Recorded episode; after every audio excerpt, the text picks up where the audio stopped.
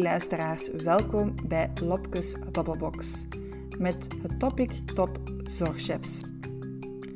De podcast topic Top Zorgchef is eigenlijk ontstaan in het begin van COVID-19, omdat ik het ook wel belangrijk vind om de zorgchefs in kaart te brengen die ook zich dag in dag uit inzetten voor alle bewoners, patiënten en mede-collega's. En ondertussen hebben we al wat topzorgchefs op onze lijst staan. Um, maar er zijn er natuurlijk nog vele en vandaag hebben we een Nederlandse topzorgchef op onze agenda staan. Vandaag praten we met topzorgchef Niels Bron. Niels is 37 jaar en werkt al 10 jaar bij Rivas.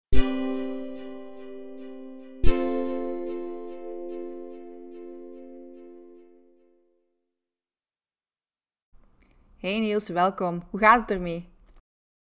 Dag Lopke. Uh, ja, het gaat goed. Het gaat goed. Ja, het is weer uh, een soort van wat rustiger aan worden bij ons in de organisatie omtrent uh, COVID-19. Dus dat is op zich wel, uh, wel prettig, zullen we maar zeggen.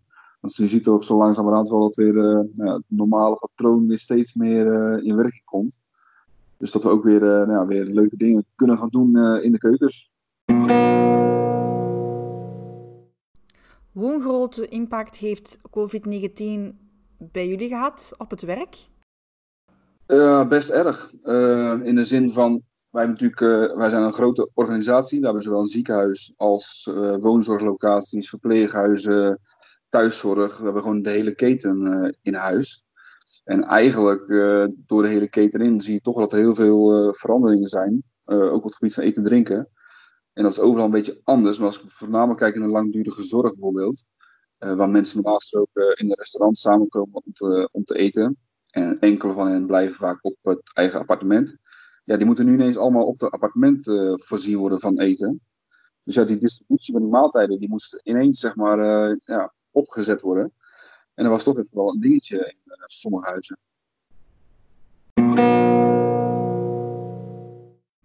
Je geeft al aan dat met COVID-19 er zaken veranderd zijn. Zijn er dan zaken ook die jullie op een andere manier zijn gaan bekijken? Uh, ja, maar dat is dan dat heeft niet zozeer te maken met, uh, met eten en drinken, zeg maar. Maar ik denk wel dat wij als organisatie nu ook wel uh, gezien hebben dat sommige dingen anders kunnen.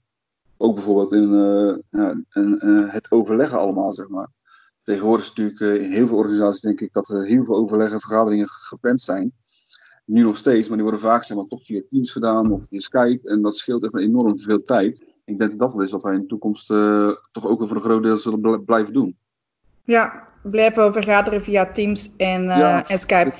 Ja, precies. Het is, het is goed om elkaar af en toe, uh, sommige belangrijke overleggen moet je gewoon met elkaar in één ruimte zijn. Maar ook heel vaak niet.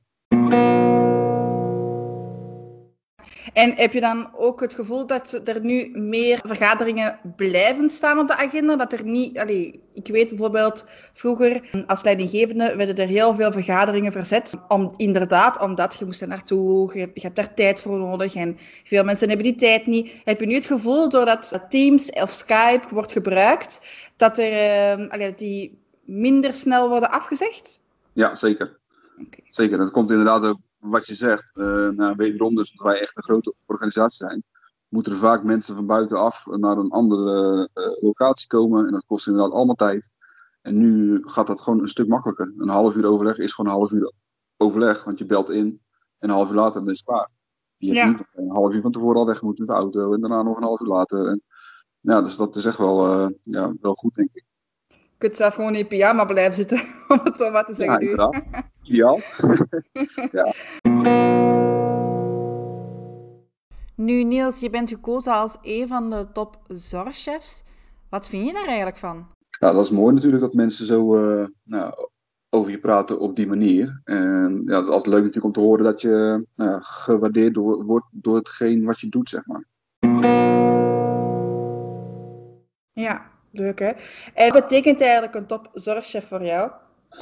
Nou, ik denk dat topzorgchef iemand is die uh, ten alle tijden zeg maar, het belang van de bewoners, cliënten, patiënten, uh, ja, wat dan ook zeg maar, dat, dat die altijd op nummer 1 komen.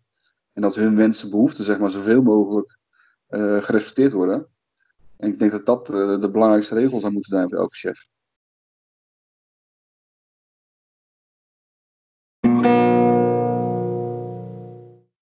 Helemaal mee eens.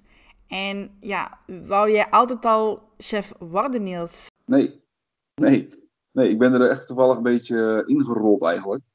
Ik uh, studeerde in Utrecht aan de hogeschool voor uh, een studie commerciële economie.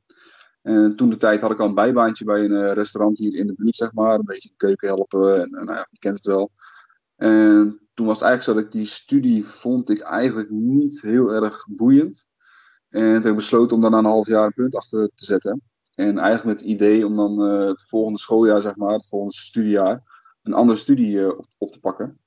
Maar om zeg maar, die tussentijd te, te doden, kon ik fulltime gaan werken bij dat restaurant toen. En eigenlijk ben ik toen zeg maar, een beetje ja, verknocht geraakt aan het koken.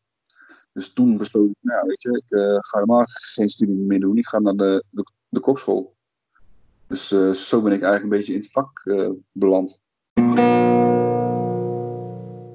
Wat heeft de voorbije jaren je manier van werken veranderd als chef? Vooral nieuwe inzichten. Uh, jij weet natuurlijk ook de, de, opleiding in Leuven. Ja.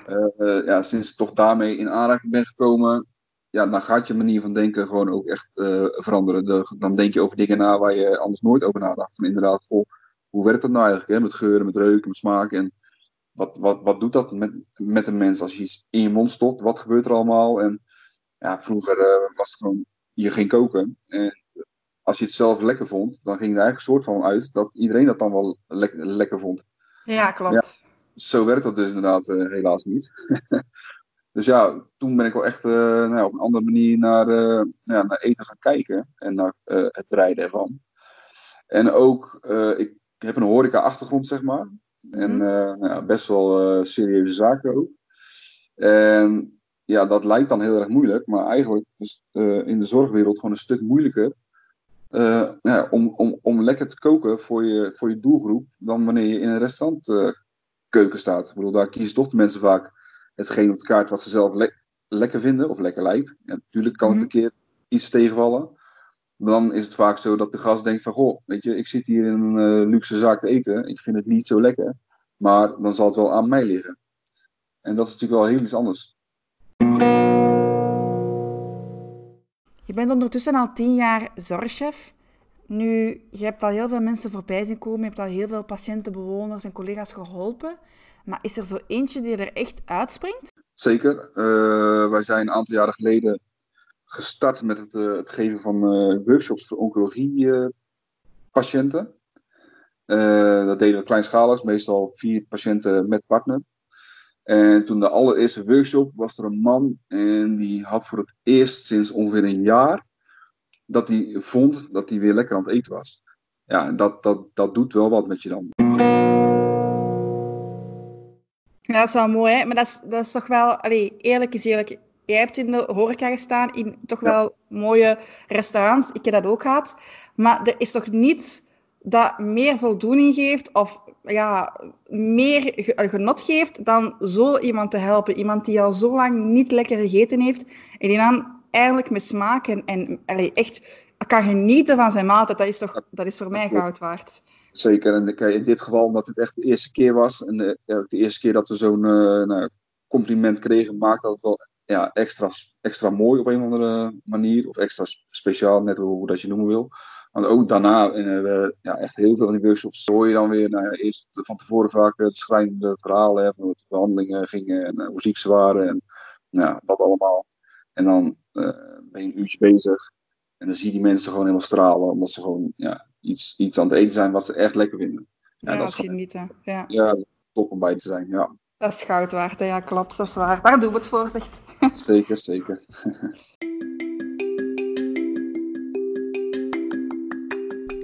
En met deze positieve noot, met de reden waarom dat we dit als zorgchef doen, eindigen we deze podcast. Ik wil Niels Bron nog eens heel hartelijk bedanken voor de gezellige babbel. En ik wil jullie bedanken om te luisteren naar deze podcast. En tot de volgende.